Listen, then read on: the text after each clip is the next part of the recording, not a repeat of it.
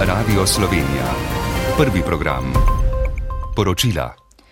V Minhnu se končuje varnostna konferenca, v ospredju katere je vojna v Ukrajini.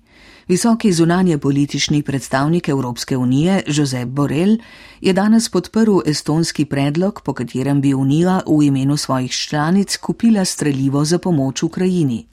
Zadnji dan konference je sicer namenjen razpravam o evropski varnostni infrastrukturi in bližnjevzhodnem konfliktu.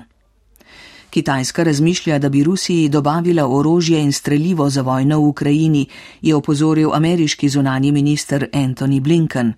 Kot je povdaril za ameriško televizijo CBC, imajo v Washingtonu informacije, da bi Peking lahko začel zagotavljati vojaško podporo Moskvi, kar bi po Blinknovih opozorilih pomenilo resne posledice za Kitajsko.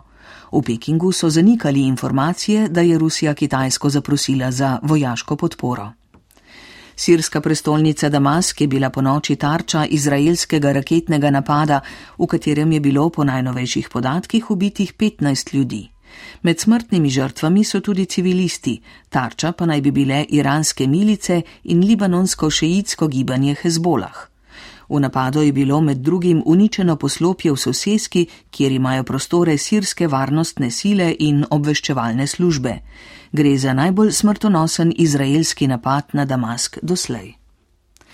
Po podatkih Združenih narodov je v Siriji zaradi nedavnega uničujočega potresa prizadetih 8,8 milijona ljudi, večina pa bo verjetno potrebovala človekoljubno pomoč. Koordinator za humanitarno pomoč pri Združenih narodit, narodih Martin Griffiths je priznal, da organizacija ni naredila dovolj za prizadeta območja, predvsem tista, ki jih nadzorujejo uporniki. Do zdaj dostavljena človekoljubna pomoč ne dosega niti količine pomoči iz obdobja pred potresom. Na Ptuju se v okviru 63. kurentovanja pravkar začenja mednarodna karnevalska povorka, na kateri pričakujejo več deset tisoč obiskovalcev. Skupno bo nastopilo približno 2500 udeležencev v 35 skupinah. Poleg kurentov in drugih tradicionalnih štajerskih likov se bodo predstavile tudi skupine iz Bolgarije, Romunije ter Bosne in Hercegovine. Po podatkih